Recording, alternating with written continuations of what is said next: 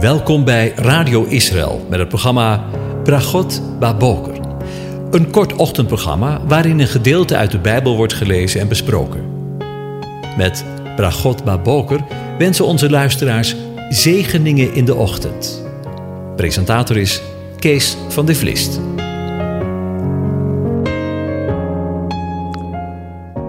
Hartelijk welkom, beste luisteraars. Van morgen gaan we weer verder met Psalm 23. En ik lees het nog een keertje aan je voor. De Heere is mijn herder, mij ontbreekt niets. Hij doet mij neerliggen in grazige weiden. Hij leidt mij zachtjes naar stille wateren. Hij verkwikt mijn ziel.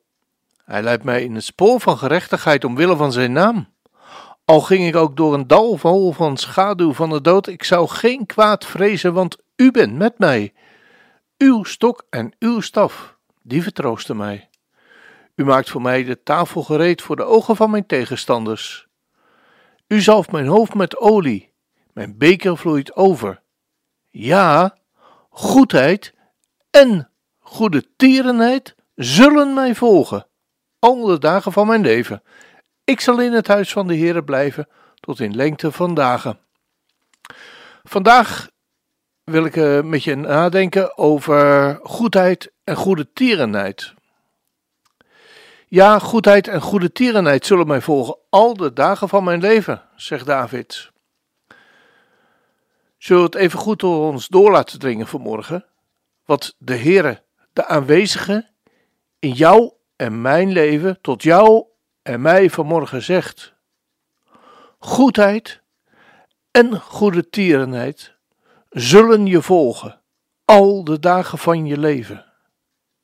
En God is een God die niet liegen kan. Dit staat als een paal boven water. Goedheid en goede tierenheid zullen je volgen alle dagen van je leven. Voor het woord goed wordt in het Hebreeuws een woord gebruikt dat de meesten van ons wel kennen in het Nederlands. Tof. Je bent een toffe vent of een toffe meid. Dan bedoelen we dat je een goede vent of meid bent. Tof in het Hebreeuws heeft te maken met goed in de breedste zin van het woord. Zal ik eens een paar verklaringen vanuit het Hebreeuws voor tof voorlezen?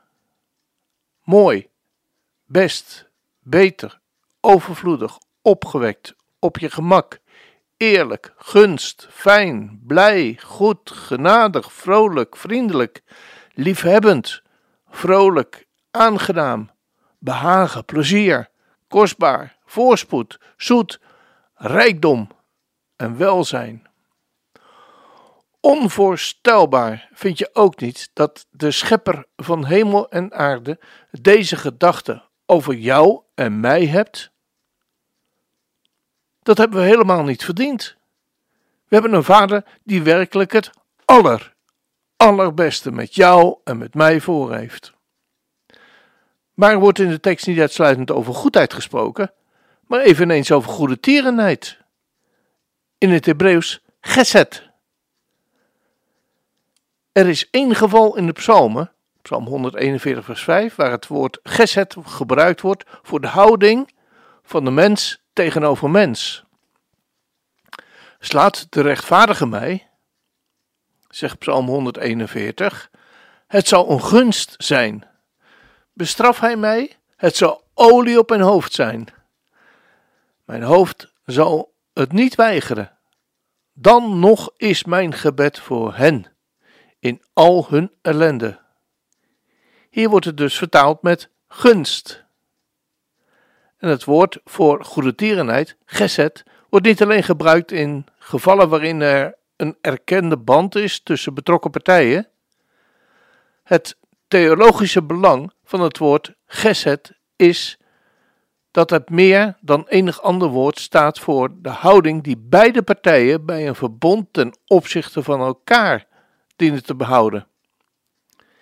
In Jesaja 40, vers 6 wordt bijvoorbeeld het woord geset gebruikt om de standvastigheid van de mens te beschrijven, Of liever gezegd, het gebrek daaraan. De profeet stelt de zwakheid van de mens tegenover Gods standvastige betrouwbaarheid. Hij zegt dat de standvastigheid van alle mensen is als de wilde bloemen. Hier vandaag en morgen weg.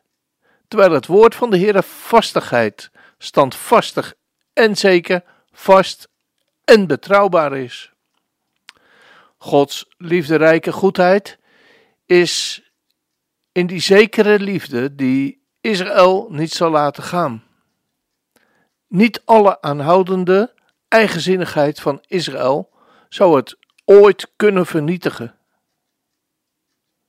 Ik lees het nog een keer aan je voor. Niet alle aanhoudende eigenzinnigheid van Israël zou het de goedheid, de goede terenheid van God kunnen vernietigen. Hoewel Israël trouweloos is, blijft God toch trouw. Deze gestage aanhoudende weigering van God om zijn handen aan het eigenzinnige Israël te wassen, is de essentiële betekenis van het Hebreeuwse woord dat met liefderijke goedheid, met geset, met goede tierenheid wordt vertaald. Maar we kunnen dit op persoonlijk vlak ook van toepassing laten zijn, zoals ook in Psalm 23. In dat geval lezen we Gods liefderijke goedheid is in die zekere liefde die jou en mij niet zal laten gaan.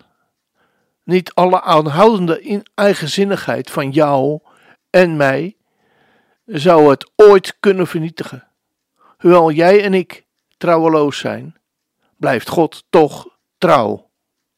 Deze gestage, aanhoudende weigering van God om zijn handen aan onze eigenzinnigheid te wassen, is de essentiële betekenis van het Hebreeuwse woord geset, goede tierenheid, dat met liefderijke goedheid wordt vertaald. De liefderijke goedheid van God ten opzichte van Israël is daarom volstrekt onverdiend van de kant van Israël. Als Israël de juiste behandeling zou krijgen voor haar, haar hardnekkige weigering om Gods weg te bewandelen, zou er voor haar geen enkel vooruitzicht zijn op iets anders dan vernietiging.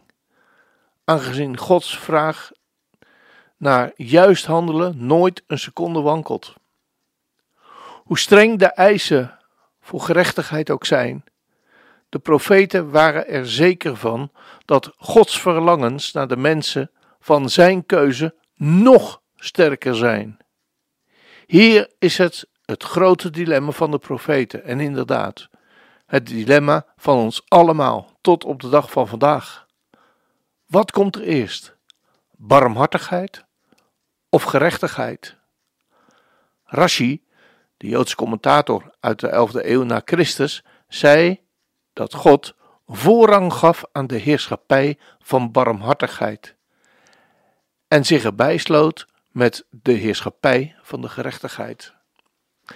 Maar zoveel is wel duidelijk wanneer we proberen de diepte en de volharding van Gods liefderijke goedheid en barmhartigheid in te schatten, moeten we eerst zijn hartstocht voor gerechtigheid in gedachten houden. Hartstocht voor gerechtigheid is zo sterk dat hij niet meer volhardend kon zijn in zijn vragen naar, maar Gods aanhoudende liefde voor zijn volk is nog indringender.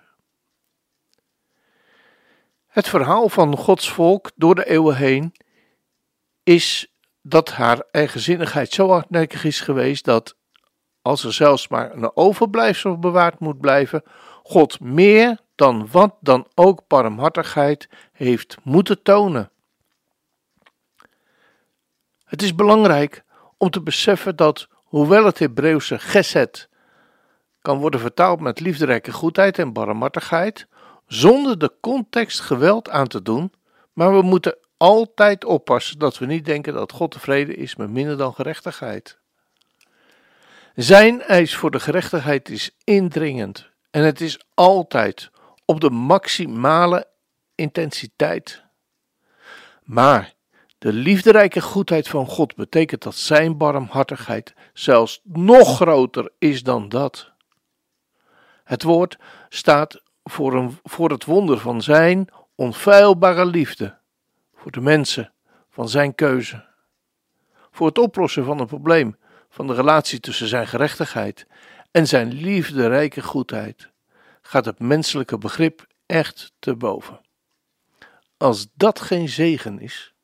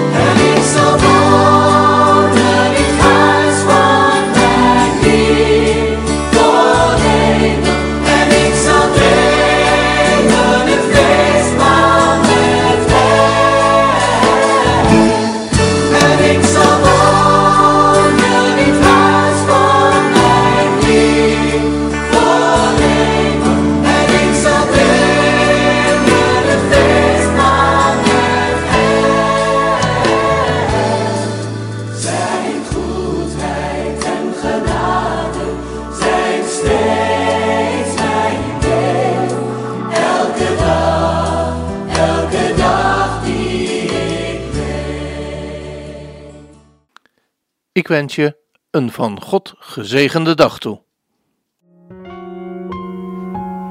U hebt geluisterd naar het programma Bragot Baboker.